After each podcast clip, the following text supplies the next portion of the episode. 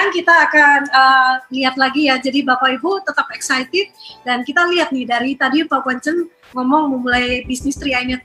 Bagaimana kalau kita langsung tanyakan langsung ke dua crown pertama yang uh, waktu itu Joy mengambil keputusan di 2014.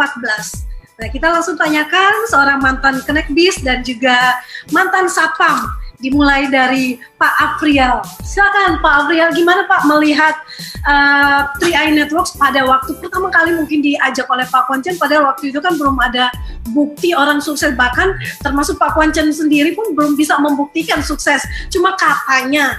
Nah, apa yang membuat Pak Afrial untuk tertarik, membuat keputusan untuk tertarik bergabung di bisnis ini Pak?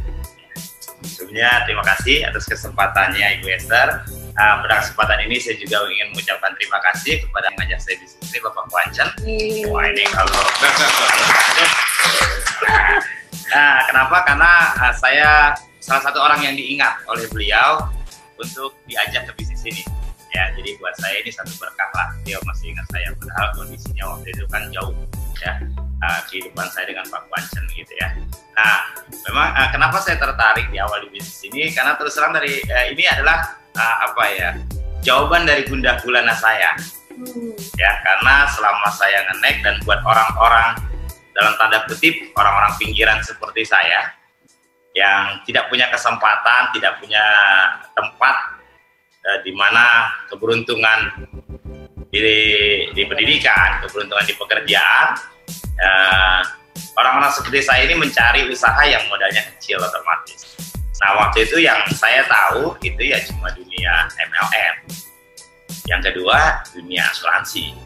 Kalau MLM mungkin masih jualan produk, masih perlu modal. Kalau asuransi waktu itu saya pikir jualan mulut, menjualan kertas, ya kan.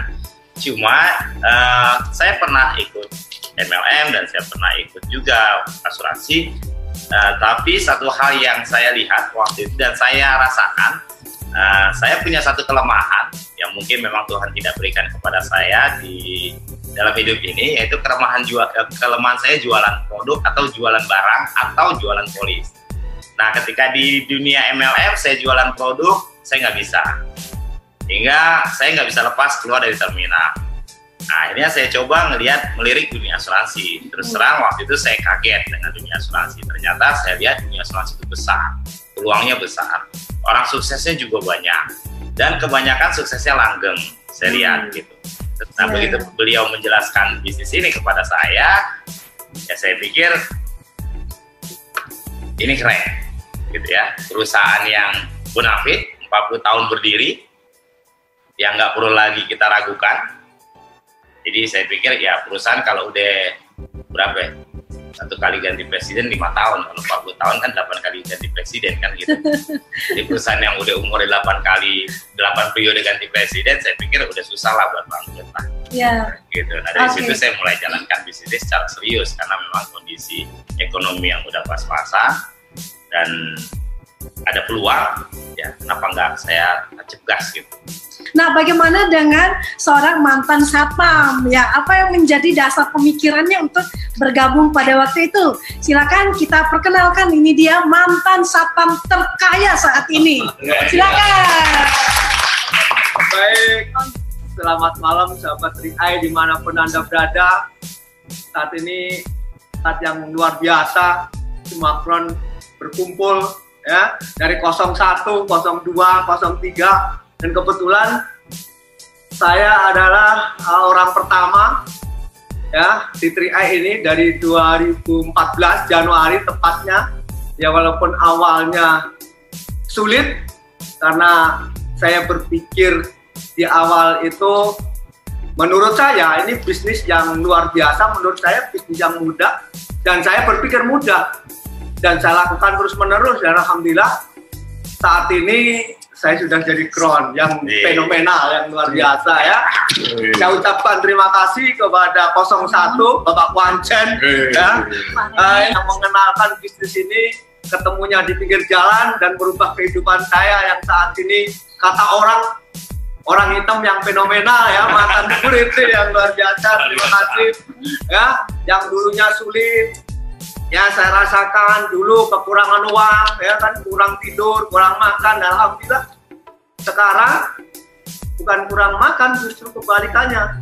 Di mana mana ada rumah makan yang duitnya ada dulu pada saat saya di mana mana ada rumah makan tapi uangnya tidak ada. Ini yang luar biasa. Terima kasih semuanya Nah, terima kasih tentunya kepada Triai yang luar biasa yang dikomandoi oleh Bapak Wanjan terima kasih Dahsyat. Terima kasih Pak uh, Afrial dan juga Pak Sarno orang itu orang pertama ya crown pertama pada waktu itu di Januari 2014. Nah di tengah-tengah saya ya jadi saya beruntung ya Bapak Ibu karena saya dikelilingi oleh crown-crown. Doakan semoga saya cepat crown. Amin. nah, saya akan perkenalkan sebelum lanjut ke berikutnya, eh, sesi berikutnya dan pembicaraan yang crown berikutnya, saya akan memperkenalkan eh, di samping saya ada Pak Crown termuda pada waktu itu Pak Yosef Setiawan. Halo Pak Yosef. halo Dahsyat. Dan kemudian ada juga Ibu Melina, eh, Bu Melina Lai yang merupakan crown satu-satunya di dunia ya Bapak Ibu ya. Halo Bu Melina. Dan juga hmm, tak lupa di sampingnya Pak Panjan ada Pak Raymond. Yes. Dan mereka tentunya punya karakteristik yang berbeda dan juga punya latar belakang yang berbeda teman-teman semua. Jadi jangan ke mana-mana.